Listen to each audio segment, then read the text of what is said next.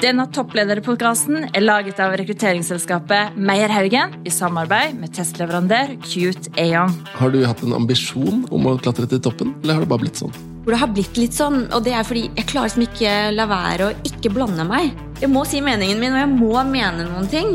Og når man på en måte rekker opp hånda og mener noen ting, så følger det ofte med. Men da kan du ta ansvar for det, da. Og bare ja, da gjør jeg det. Men eh, jeg skal ikke lyve og si at jeg ikke har hatt lederambisjoner. Det, det har jeg.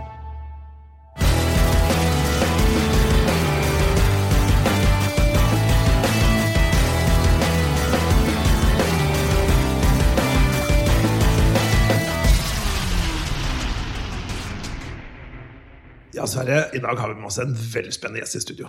Ja, og Hun jobber jo med et område som også er veldig spennende, hvor det har skjedd utrolig mye i det siste. Ja. Men skal vi bare uten å avsløre alt mye, kan vi ikke bare ønske velkommen til deg, Ida Barth Thommessen? Tusen takk for det. Så hyggelig å få komme til dere. Å, du, jeg må bare si at eh, Vi har gleda oss masse. Eh, men for de som ikke helt vet hvem du er, da, hva, hvilken topplederposisjon er det du har? Jeg heter da Ida og er administrerende direktør for nettavisen E24. Eh, og så er det jo sånn artig at du kaller meg for eh, toppleder. Eh, fordi helt ærlig, jeg kjenner meg liksom ikke som den topplederen. Topplederen i Skipsted er Kristine Skogen Lund. Jeg er bare én av mange ledere i Skipsted. Ydmyk tjener. Ja, det er jo faktisk oss. Men uh, veldig glad for å bli invitert likevel. Men, men E24 er jo et uh, stort selskap. Ja da, vi er et eget selskap, det er vi. Ja.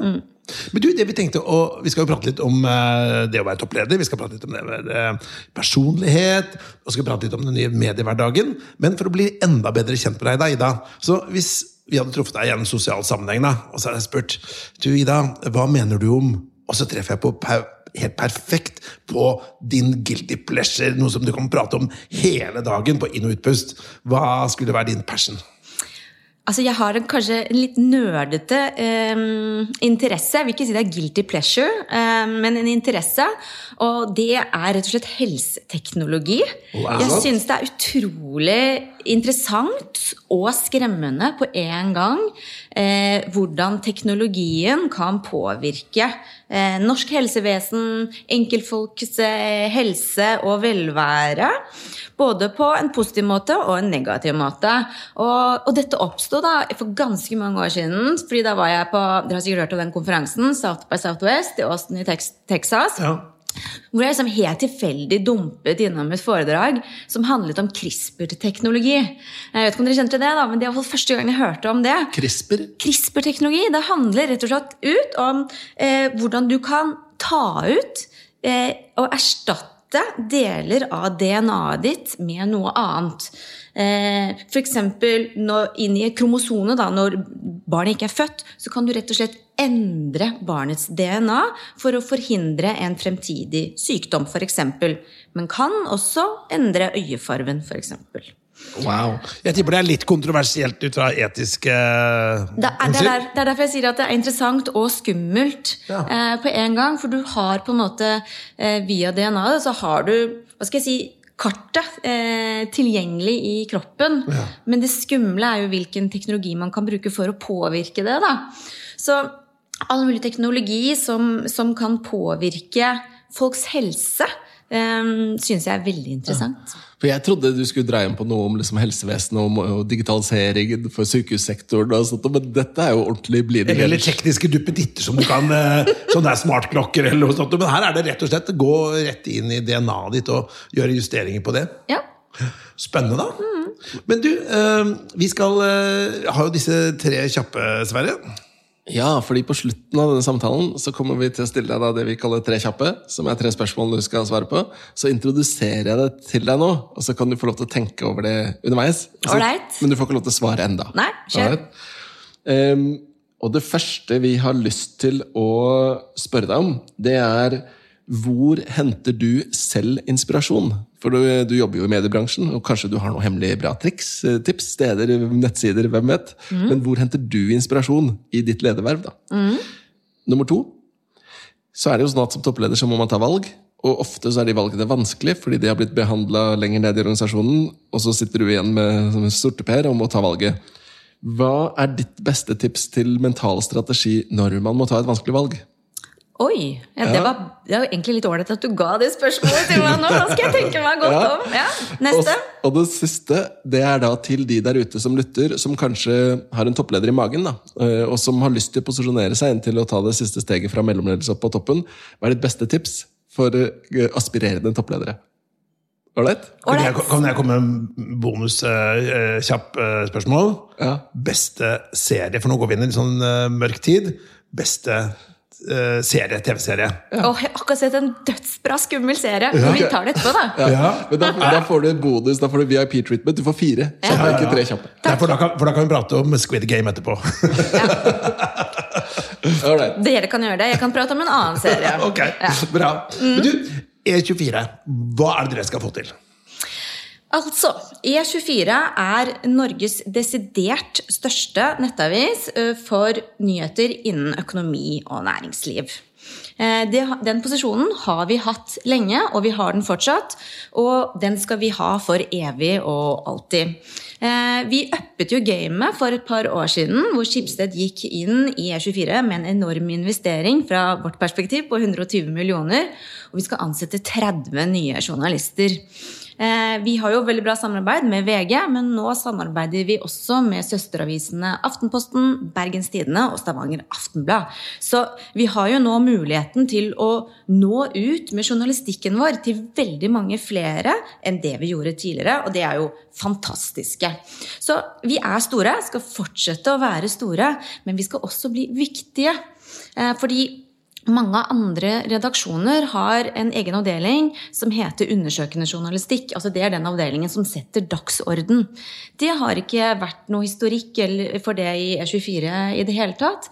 Men på ganske kort tid så har vi fått etablert en sånn eh, avdeling hos oss, som virkelig på kort tid har, har begynt å sette dagsorden. Så det er på en måte det neste store steget da, for, for E24. Um, og det å sette dagsorden og være viktig, eh, å ta på en måte den mentale nummer én-posisjonen for næringslivsnyheter, er noe som, som tar tid, men det er den store og hårete ambisjonen vår. Men kjapt spørsmål, Hvordan kom dere på navnet E24? da? Er det noe med hele døgnet og economy, eller hva er det for noe? Du, Det er ikke jeg den rette til å svare på. Det stammer fra veldig gammelt av. E24 ble startet for over 15 år siden i Sverige. Ja. Og da hadde man E24 økonomi, ja. Økonomi, Da hadde man eh, E24. Og da ble det navnet overført til, til Norge. Ja. Tror det opprinnelig skulle hete NA24, men så, eh, så vidt jeg husker, noe klinsj med Nettavisen og noe lignende navn. Men navnet endte i hvert fall på E24. Mm. Ja. Og det er dumt å bytte, så det beholder vi. Ja, bra. Men så har jeg hørt rykter om at du, du er jo som vi snakker om, toppleder for E24, selv om du prøver å snakke deg selv ned. Men, men, men du har sånn, egentlig en litt spesiell lederposisjon, fordi du er ikke leder alene. Nei, og det er deilig. Fortell litt mer om det. Ja, jeg eh, lever i en toledermodell eh, som jeg deler da på med sjefredaktør eh, Lars Håkon Grønning. En fantastisk mann, og vi samarbeider utrolig bra. Så eh, vi deler jo på ansvaret for E24. Han er, har ansvaret for det redaksjonelle, altså alt som publiseres, mens jeg er ansvarlig for, for økonomi og, og driften. Og alt det finansielle og det kommersielle. Det er jeg som sørger for at vi tjener penger, og at sjappa går rundt.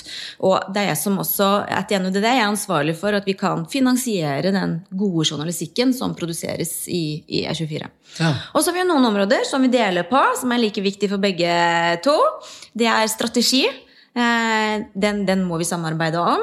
Og så er det eh, brukerbetaling eller abonnement. Fordi eh, det er på en måte todelt. Skal du selge eh, flere abonnement, eller nå ut til flere abonnenter, så er man dønn avhengig av det redaksjonelle, men det må jo også ligge en økonomi i det.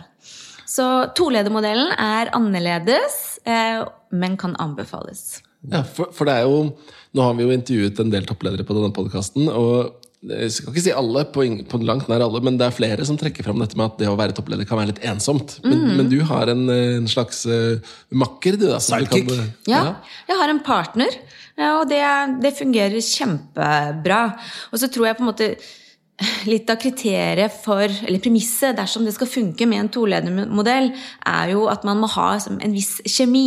Eh, og det har Lars Håkon og jeg. Vi samarbeider utrolig bra. Eh, vi har ofte samme meninger, men vi kan også diskutere.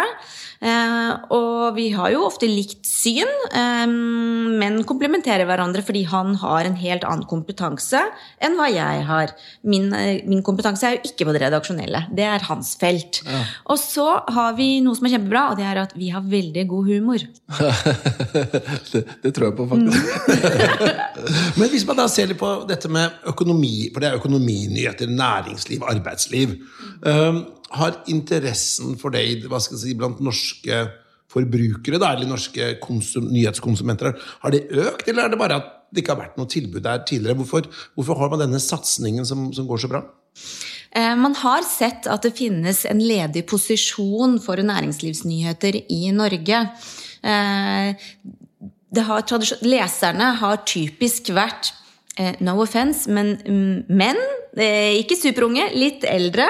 Men etter hvert som arbeidsmarkedet er i endring, så ser man også at det finnes et mye større potensial blant yngre og blant kvinner. Og den posisjonen er det ikke helt noen som har på en måte tatt helt 100 Derfor så, så man at det var et stort potensial. I tillegg så er det jo en viktig faktor for oss at vi har Bergens Tidende, eller Skipsted da, har Bergens Tidende i, i Bergen. Eh, og SA i Stavanger. Og det er jo innmari mye av norsk næringsliv som foregår på, på, Vestlandet. Alt foregår jo ikke her i lille Oslo. Så det å kunne være til stede i det lokale næringslivet er også et uforløst potensial. Mm. Men du, du, har jo også et kommersielt ansvar inn i en stor nettavis. Eh, og det er en bransje som har vært under enorm utvikling og, og, under, og blitt tvunget til å utvikle seg. Er ikke det fryktelig utfordrende? Det er kjempegøy. Det hadde jo vært så kjedelig hvis det ikke hadde vært utfordrende. Da hadde jeg ikke vært der. Um, nei, altså det som er som spennende med det, med det forretningsmessige for en nettavis, er jo å få forretningsmodellen til å gå rundt. Og dette er en forretningsmodell som er i endring. For det første så er det viktig å si at vi har ikke noe papiravis.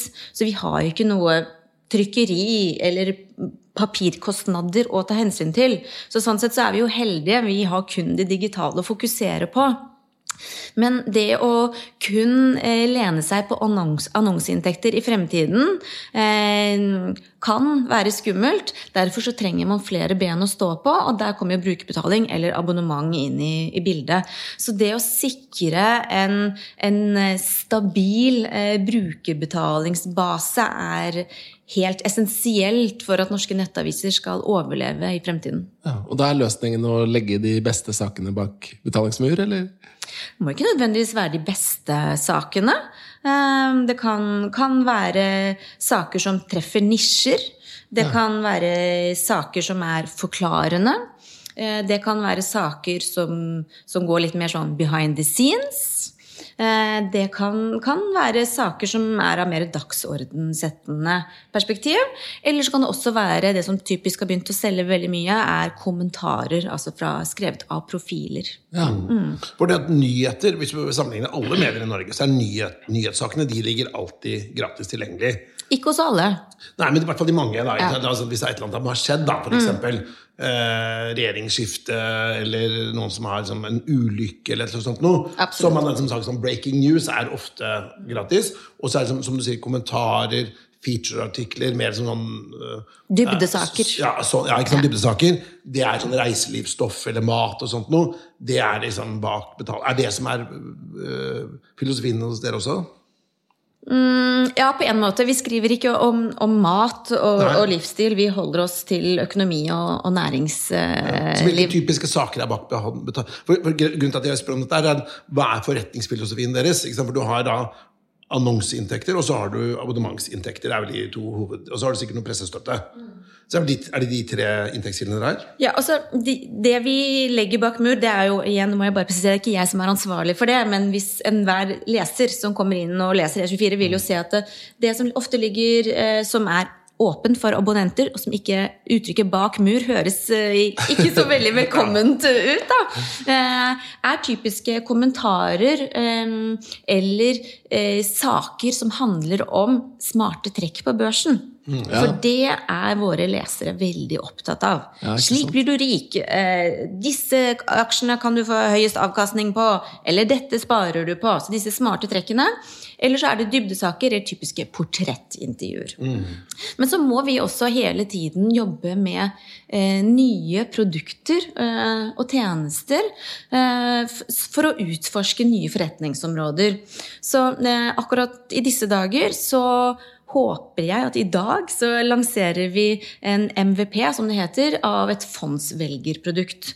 Som rett og slett er et produkt og tjeneste som skal hjelpe leserne våre til å gjøre de rette Til å ta valg innenfor alle slags mulige fond som finnes der ute.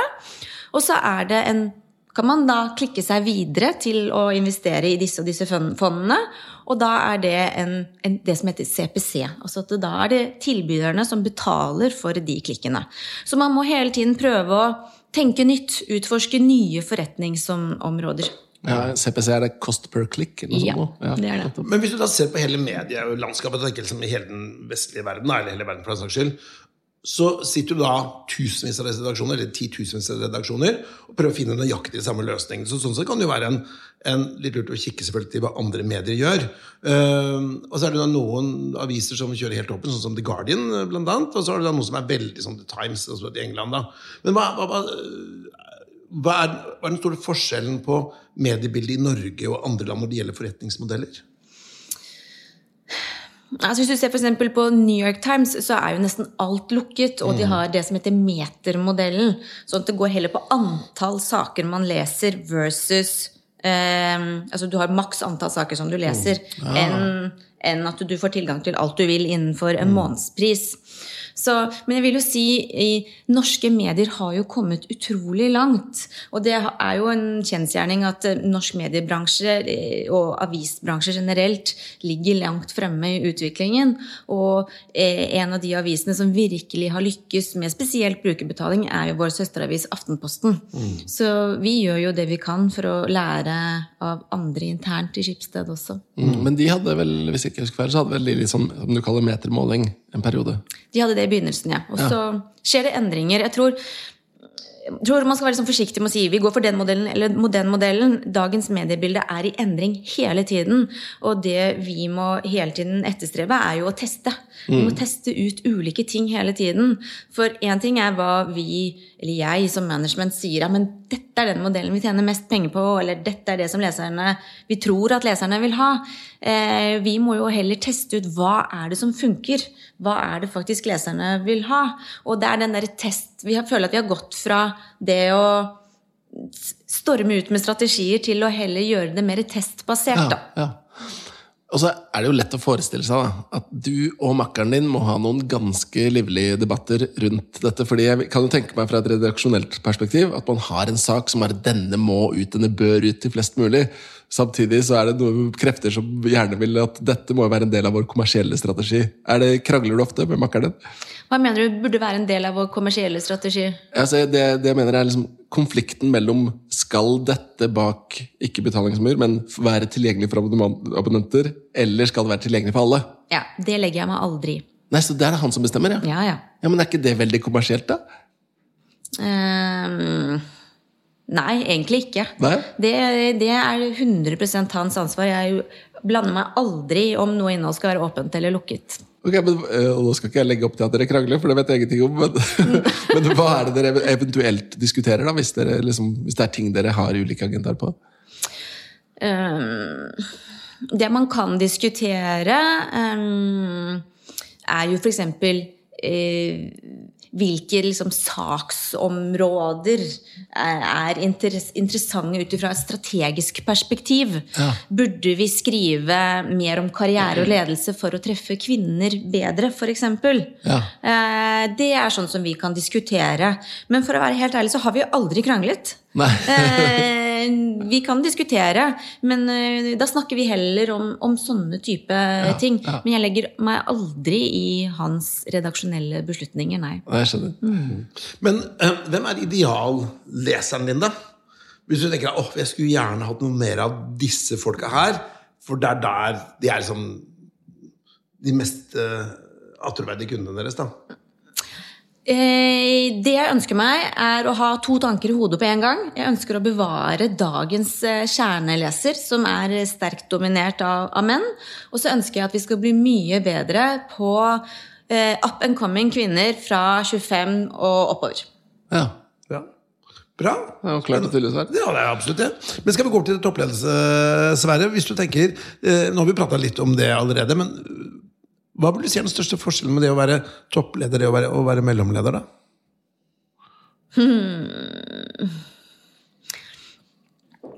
Ja, det er et eh, vanskelig spørsmål, egentlig. Men aller først, så når man eh, er toppleder, så vil jeg jo si at man har eh, litt mer frihet og kontroll over sin egen hverdag og planlegging og prioritering. Versus når man er mellomleder. Da kan man på en måte blir spist opp både nedenfra og ovenfra. Um, så jeg syns jo det å gå fra å være mellomleder til mm, toppleder har vært en befrielse med tanke på planlegging, prioritering og organisering i min egen arbeidshverdag. Har du, har du hatt en ambisjon om å klatre til toppen, eller har det bare blitt sånn? Jeg tror det har blitt litt sånn, og det er fordi jeg klarer liksom ikke la være å ikke blande meg. Ja. Jeg, må liksom, jeg må si meningen min, og jeg må mene noen ting. Og når man på en måte rekker opp hånda og mener noen ting, så følger det ofte med. Men da kan du ta ansvar for det, da. Og bare ja, da gjør jeg det. Ja. Um, men eh, jeg skal ikke lyve og si at jeg ikke har hatt lederambisjoner. Det, det har jeg. Nei. Men Et, et poeng, Jeg leste et sted at man prøvde å se på personlighetstrekk eh, mellom vanlige personer og de som ble ledere, da, ikke toppledere, men altså ledere. Og så så man noen, noen forskjeller, men det var ikke så mange. da. Men det, en, den største forskjellen var at eh, de som, altså ledere hadde mye mer energi. Eh, ikke noe sånn at de er smartere eller mer analytiske, og sånt, men de har mer energi. Og tankegangen er at hvis du da som du sier, du har masse energi, tar masse initiativ, ok, men da kan du gjøre det, og da baller det på seg. Da får man ofte lederansvar. da. Man ser ofte at ting ikke funker, og tar ansvar. Skal jeg si en annen, annet morsomt funn rundt personlighet og ledelse? Når Ja. man ser på studier på hvem som blir leder, så er det som de sier, høy energi og de tingene der. Og så er det noen ting som går igjen. Ekstraversjon, høy på openness, i femfaktormodellen i personlighet. Eh, og så er det viktig for å bli leder, så ser man en sammenheng mellom det å ha struktur, altså conscientiousness, altså samvittighetsfullhet. Det er viktig for å bli leder. Mens omsorg, agreeableness, det er ikke så viktig for å bli leder. Men når man Det ser hørtes litt usympatisk ut, da. jeg vet det, men Ja. det som er interessant, det er at når man ser på studier hvem er de beste lederne, så ser man plutselig at samvittighetsfullheten blir borte. Det er ikke så viktig for å være en god leder, men da kommer omsorgsfullhet og agreeableness opp. da. Og det, det er litt fascinerende. Så vi velger egentlig feil ledere, da. For vi velger de strukturerte, mens vi burde kanskje velge ut de omsorgsfulle. da. Men så er det også forskjell på kulturer. da. Altså Vi ser sånn som I Norge og Skandinavia så er de som er flinke med folk, det er et viktig kriterium for å bli en leder. Helt klart. Mens i en del andre kulturer som er mye tøffere, tøffere på business, USA, Frankrike eh, Der må du være tøffere. Ikke for at de vil være tøffere, men for at ellers så blir du liksom rett og slett satt av. Hvis du, for det er mye sånn dog eat dog-næringsliv. da. Ja.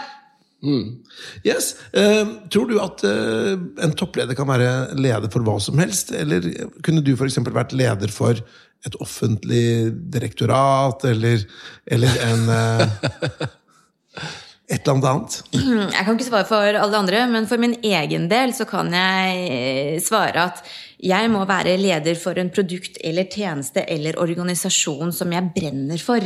Som jeg som kjenner inni meg bare åh, dette er et bra Altså helseteknologi, da, for Ja, eksempel. det har vært superspennende.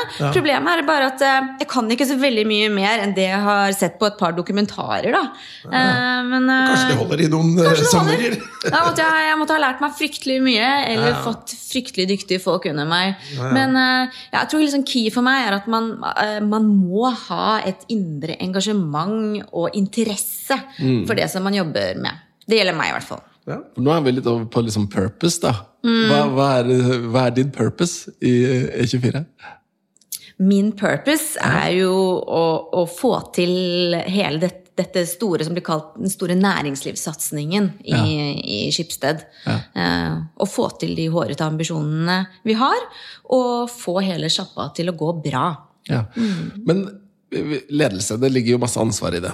Eh, hva, hva er det som altså Det er sånn teit ordtak, men what's keeping you up at night? Hva slags problemstillinger syns du liksom er de største som dere står overfor? da?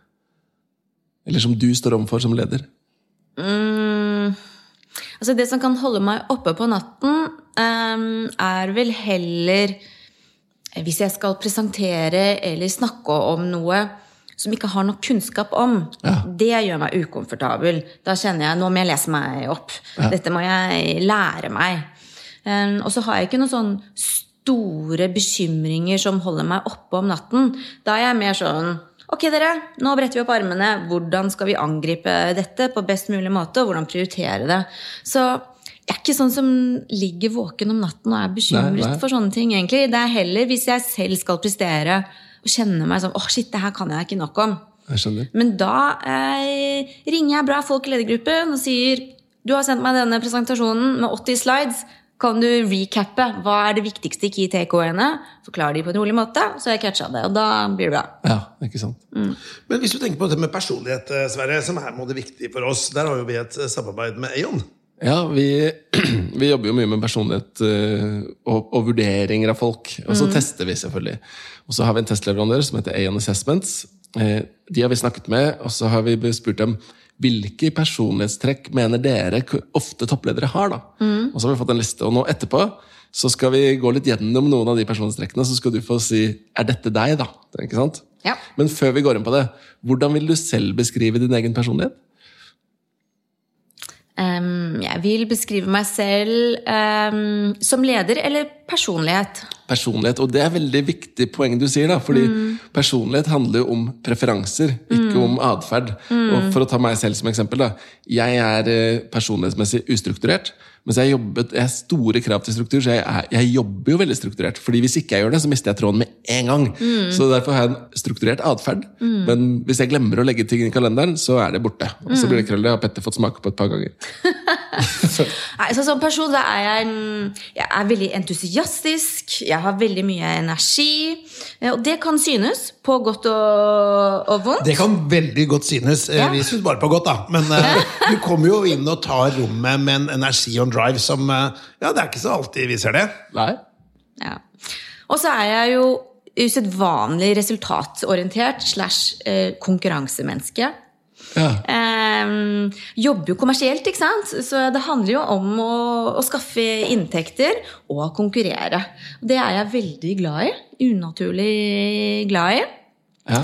Og så er jeg veldig glad i folk. Eh, nå tar jeg et av spørsmålene deres til meg selv eh, i forkant, men det som gir meg energi, er jo å treffe andre mennesker.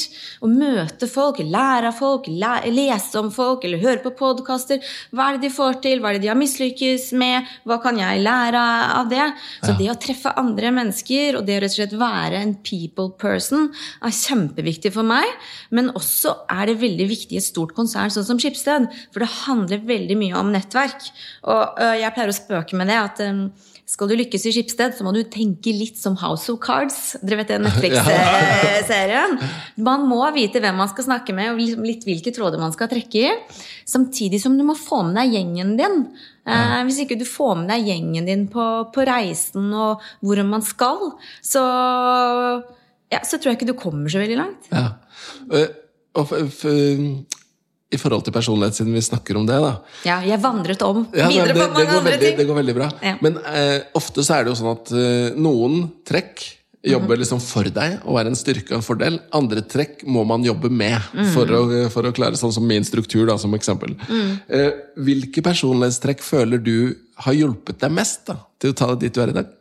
Um, Jeg tror det som har hjulpet meg mest, er på en måte mitt engasjement og entusiasme, som også er eh, en form for nysgjerrighet. Jeg stiller spørsmål hele tiden. Ja. Um, men eh, det har jo også lært meg å hva skal jeg si, temme eh, og justere energien opp og ned, for jeg kan jo bli sliten av meg selv. Det må jeg jo si. Så jeg tror det er viktig som leder at hvis man har mye energi, at man også må lære seg å gire ned. Ja. Ikk- for min del ikke sitte og meditere, men bare slappe av og ikke være, ha overtenning hele tiden. Noen Ja. mennesker har det. Jeg blir sliten hvis jeg har det hele tiden. Ja. Eh, Så det å kunne justere energinivå opp og ned Men også når man er veldig entusiastisk og energirik som, som meg, da, så er det jo også veldig lett å lese om er Ida positiv, eller er hun negativ? Det er veldig lett å lese når jeg er negativ. Så det har jeg jobbet litt med, med på en måte behersker beherske meg litt selv. Fjeset ditt, det kunne Ja. du jobba litt mer med. Det var, det var egentlig en fin bro over til disse trekkene fra Aon Assessments. da. Ja. Så hvis du er klar, så skal jeg liste opp noen personlighetstrekk nå, og så skal du si om du kjenner deg igjen i disse eller ikke. Skal jeg si ja eller nei, eller skal jeg utbrodere? Eh, Du kan begynne med ja, nei, kanskje, eller liksom eh, Du kan Men eh, Det er greit, du kan utbrodere så mye du vil, egentlig. Ja. Vil du si at du er overbevisende? Ja. Vil du si at du er hensynsfull? Ja. Vil du si at du er, eller har du allerede sagt, resultatfokusert? Store bokstaver. Ja. Besluttsom? Ja.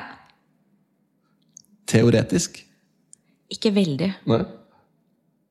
Optimistisk? Veldig. Ja. Behersket? Ja. Ja, for det sa du jo du hadde jobbet med på noen områder. Og det siste har vi allerede svar på. Entusiastisk. Ja. Ja, Da er det jo ifølge EDSS en ganske typisk toppleder. hva dere gjør. ja. Hva sier du om teoretisk, da? Nei, og det er jo, Nå har vi jo snakket med mange ledere om dette og, og liksom spurt dem om det samme. og Det vi ser er at det er, det er en stor korrelasjon. Det er mange som kjenner seg igjen i disse trekkene. Men de som oftest folk tenker seg godt om, eller sier kanskje, eller vet ikke på, eller litt usikker, det er jo teoretisk er ett av de. Mm. Men det samme gjelder også hensynsfull og behersket. er noen av de som oftest det stiller spørsmål ved. Og jeg tror grunnen til at teoretisk er litt vanskelig, det er litt sånn det er også hva legger man egentlig i det. Ja. ikke sant? Mm. For, det, altså, for Teoretisk kan det være at man sånn den negative valøren av teoretisk er jo det motsatte av praktisk. ikke sant? Og det ønsker man jo kanskje ikke å være. Det er mer å være som uh, nede på gulvet, liksom. ikke sant? Men teoretisk kan det jo kanskje også at man, at man kan være analytisk, at du kan lese en, en teori, du har tatt en utdanning. Man kan tenke at, at man kan gå inn i en teoretisk uh, teoretisk verden og, og trekke ut noe lærdom av det. da. Ja. Og det tror jeg veldig mange ledere kan, og bør. Veldig bra. Men eh, da sier jeg takk for at du er åpen da, og snakker, yeah. snakker om deg selv. Men, men eh, hvis du da tenker eh, Hvilke personer kunne du jobba tett med? da? Må du ha folk som er eller Jeg tipper det er få personer som er like entusiastiske som deg. da. Men møter, tenker Hvis du møter en sånn treigpeis da, som bare må, ja, må, nå må jeg tenke litt over det Så kommer du inn på mandagsmorgen, du har tenkt i helgen og gått lang tur og trent, og sånn, så tenker du sånn og sånn og sånn, og sånn Og så skal du bare sette i gang 100 prosjekter, og så sitter folk ja, ja, må tenke litt på det, ja. ja. Og da klikker jo du inn i det. Jeg kan sånn? absolutt ja. Jeg kan absolutt klikke inni meg, og jeg er en ting jeg blir helt gal av. Og det er hvis folk snakker veldig sakte. Fordi da, Jeg snakker fort fra før av, som dere kanskje hører, men da snakker jeg enda fortere. For å kompensere. Så jeg blir helt gal når folk snakker veldig sakte. Det, det passer ikke helt for meg. Men helt seriøst, altså Jeg har jo troen på at eh, jeg er jo meg og har min personlighet, men skal f.eks. ledergruppen fungere som en gruppe og et team, så kan ikke alle være like. Ah, Forskjellig personlighet, men forskjellig kompetanse og erfaring og væremåte tror jeg er viktig. Og det må man lære seg, rett og slett. Det var det jeg- politiske svaret. Det jeg var lurt på, er i forhold til personlighet. For jeg kjenner meg bitte lite grann igjen. At liksom den der, Når du har masse ideer og energi og det er bare, Alle blir bare se det, skal vi bare gjøre det? Det er bare tiden av veien. Nei, jeg tror vi må tenke litt på det, ja. Og da bare er det verste du kan høre, ikke sant? Ja, men da gir jeg meg ikke. Nei. Nei. Det høres kjent ut. Jeg kan, si, jeg kan jo si at det gjør ikke Petter heller. Nei. Det kan godt være at de sier de skal tenke på det, men da har de meg på telefonen 20 minutter senere og spurt om de har tenkt på det. Ja, ikke sant? Ja, det, der, har du, der har du tipset, Petter. Det er Jeg skal ikke vente i 25 minutter, jeg skal vente i bare 20 minutter. Tusen takk. veldig bra. Skal vi gå over til de tre kjappe? De kan vi gjøre, dessverre. Ja. Og nå har du for, de fire kjappe var det faktisk. Ja. Og nå har du fått tid til å tenke litt, eh, eller det har, du, det har du sikkert ikke fått tid til, men hvis du, snakker like fort som du, hvis du tenker like fort som du snakker, så har du i hvert fall fått tenkt litt, da. um, første spørsmål er da, hvor henter du inspirasjon i ditt lederverv? Ja, og det eh, spørsmålet visste jeg at dere kom til å stille, så det stilte jeg til meg selv i sted og svarte på også. Og det henter jeg fra rett og slett å treffe andre mennesker. Møte folk, høre på foredrag, lese intervjuer, podkaster, whatever. Og jeg savner å være på gode konferanser og gode foredrag og treffe inspirerende folk. Så, så det gir meg masse energi og inspirerer meg. Og så gjerne mennesker som, som har mye energi, fordi jeg liker det. Um, men så er det ikke nødvendigvis der jeg henter min egen energi fra. Det er som regel hvis jeg går meg en lang tur eh, sent på kvelden og alle barna er lagt og hører på musikk. Da kommer jeg på ting. Ja. Eh, eller når jeg skal sove og bare Å, shit, nei, nå kommer jeg på dette. Det er innmari dumt, for da vet jeg det kommer til å ligge og dreie på de tankene i mange timer. Ja. Eh, eller når jeg står i dusjen, eller whatever. Jeg kommer, på, jeg kommer på ting når jeg ikke burde komme på det. Men dette med å møte mennesker, da, for det mater jo rett inn i nysgjerrigheten du snakket om i stad. Mm. Ja. Det er veldig bra. Um, og så var eh, spørsmål nummer to. Ja, det var det lange. Uh, ja, eller langt og langt. Det var som toppleder så må man ta valg.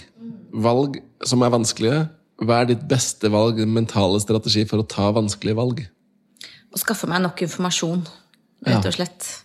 Og når du da har fått informasjon, alt du kan hente, og likevel så er det 50-50 mellom to alternativer, hvordan tenker du da? På den ene siden så har man jo en magefølelse. Ja. Um, så hvis uh, det går på en måte inn i et område, et fagområde, som jeg kjenner at ja, men, uh, Er det på salg og det kommersielle som, som jeg har mye kunnskap om, så stoler jeg ofte på min egen magefølelse hvis det er 50-50. Men så er det jo noen områder hvor man må ta beslutninger på som man kanskje ikke selv har nok kompetanse på. Da stoler jeg på, på den andre inputen som, som kommer. Ja, bra. Bra svar. Uh, da var det tredje spørsmålet. Mm. til de lytterne der ute som eh, sitter i en mellomlederposisjon på, og er liksom på øverste i trappa og ser for seg å ta steget opp på toppen. Hva er ditt beste tips til aspirerende toppledere? Og bare gjøre det. Ja. Ja. Men, eh, men Ikke tenke så mye på det, ikke legg så mye i det. Um, Men gjøre hva da? Bygg deg nettverk, snakk med folk, um, si det høyt. Eh, ta kontakt med andre toppledere i selskaper du kunne tenke deg å jobbe for. Ta en kaffe med dem, snakk med andre toppledere, høre hva gjorde du? Eh, snakk med toppledere i selskapet du jobber med, og bare si du, jeg har lyst til å bli toppleder. Eh, hva skal til for at jeg skal komme dit? Ja. Så mm, jeg tror liksom ikke på at man skal sitte og vente på at noen peker på deg. Du må ha liksom, den indre driven og energien til det selv. Ikke sant? Så bra. Og så hadde du, Petter, du la jo på det fjerde. Ja, det, det var rett og slett bare at eh, The Winter is coming. eh, og, og i hvert fall det bare tenker jeg og En kona vi, liten Game of Thrones-referanse der. Ja, ikke sant? Men vi, eh, i hvert fall på eh, det mørke halvåret, altså de kveldene vi får tid, så sitter vi og ser en serie sammen. da. Ja, og det beste også. er jo å komme over en serie som har gått noen sesonger, og du kan bare oppdage et ordentlig gullåre. da. Det Mm. Ja, Som har sånn seks sesonger ja, liggende. helt I know, det er det fantastisk, beste. Mm. Ikke sant? Ja. Eh, og så bare noen råd og tips da, til våre lyttere. Har du noen uh, enten nye eller gamle serier som du tenker ah, faderland, dette bør de få med seg? Ja. Altså Gamle tips. Altså, jeg elsker jo sånn som House of Cards. Syns ikke de siste sesongene var så bra, men Nei. begynnelsen amazing. Elsker liksom taktikkeriet og spillet Ja, ja, ja. og skuespillerne. Men siste serie som jeg så, um, var den Kastanjemannen. Ja, den danske. Ja, den danske. Elsker danske serier. Eller krim generelt, men spesielt de danske. Dritskummel. Dritskummel, men skikkelig, skikkelig bra. Men jeg klarte ikke å slutte å se på den. Nei, nei. Kjempespennende. Binga du? Eh, nei, men to episoder av gangen. Ja, ja, Det, det kvalifiserer ikke som binging. Nei, Altså. nei. Men hva med deg, Petter? Har du oppdaga altså, noe? Ja. Det siste jeg har sett som hele Norge, da, det er jo uh, The Squid Game. Uh, Ja, den har jeg hørt er bra. serie. Eh, bare én sesong har kommet enn så lenge. Noe helt annet. Det som er interessant med den, da, de pitcha den for Netflix eller andre for ti år siden. Men de sa den, nei, den er altfor uh, sær. eh, ingen folk vil se ting fra Sør-Korea. Det er for, kanskje for voldelig. Det, det er helt usannsynlig at noe sånt vil skje. Og så prøvde de nå igjen, og så er det den Netflix sin desidert mest nedlasta serie noensinne.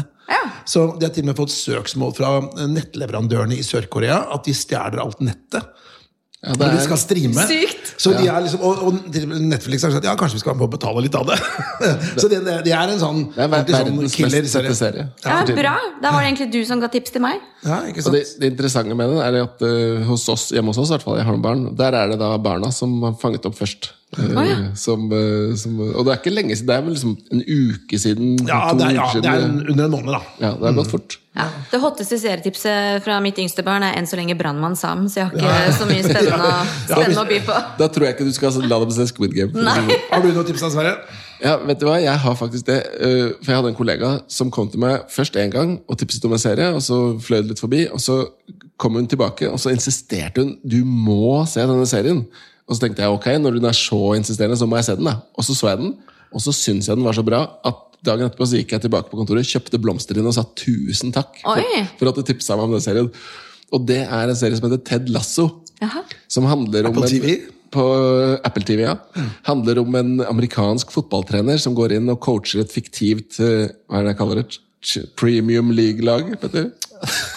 Ja, det er, ja. Jeg, jeg, jeg, jeg, Jeg er ikke så interessert i spør fotball. meg. Ikke spør meg. et, et fotballag, da. Ja, ja. I Premier League. Ja, i Premier League. Og så er det egentlig masse psykologi. da Positiv psykologi og, og underholdende serie. da Så den anbefales Ja, veldig sterkt. Spennende. Men dere har ikke spurt meg om boktips? Nei, men hva, Har du et boktips? Nei, jeg, jeg skulle ønske Jeg er veldig glad i å lese bøker, men jeg har tre veldig små barn. Så det er ikke som tiden renner over til å lese bøker. Men jeg har fått et tips som jeg skal lese, og som sikkert dere også burde lese. Og det er visst en bok som heter 'Bli hjernesterk', av en, eh, en forsker som heter Andreas Hansen, tror jeg. Eh, og det handler om eh, hvordan trening er den viktigste medisinen for at du skal prestere bedre. Ikke nødvendigvis liksom fysisk, men for hvordan trening påvirker hjernen og din egen prestasjon. Så litt tilbake til min interesse for helseteknologi. Da. Så, mm, så går dette igjen på helse og hvordan man skal prestere bedre. Så den boken, den, den skal jeg få med meg. Bra. Kan, kan, jeg få, kan jeg få legge til et boktips, jeg òg? For jeg har Ja, et det er noe tips der, til dere. Vi har bokklubb! Ja, å ha lest en bok. Nei, men jeg, jeg tror jeg vil anbefale lytterne en bok, eh, og det er eh, Give or Take av Adam Grant. For de av dere som ikke har lest den, det er anbefalt lesning. Og det han snakker om, det er gjensidighetsatferd, og hvordan ulike folk Noen er givers, andre er takers, og noen er matchers. Og så ser han på hvem lykkes best. Nå skal ikke jeg spoile, men det er, altså det er en bibel i forhold til livsfilosofi, i forhold til å være raus, og hvordan det vil pay off da, in the long run. Så det er anbefalt eh, lesning. Bra. Men du, Dette kunne vi prata om en hel dag. Ja. Men du, Tusen hjertelig takk for at du kom hit til oss. Eh, Så spennende å følge deg. Eh, Og så er det bare lykke til i den interessante jobben du har. da. Tusen takk, og takk for at jeg fikk komme. Og da noterer vi deg inn som, eh, som champion, for nå ble det ikke bare fire, men fem kjappe. Som du fikk, og det tror jeg er ny rekord, faktisk. Da leder jeg konkurransen. Ok, ha det bra. Har du innspill eller kommentarer til denne podkasten, kan du sende en e-post til toppleder at meierhaugen.no.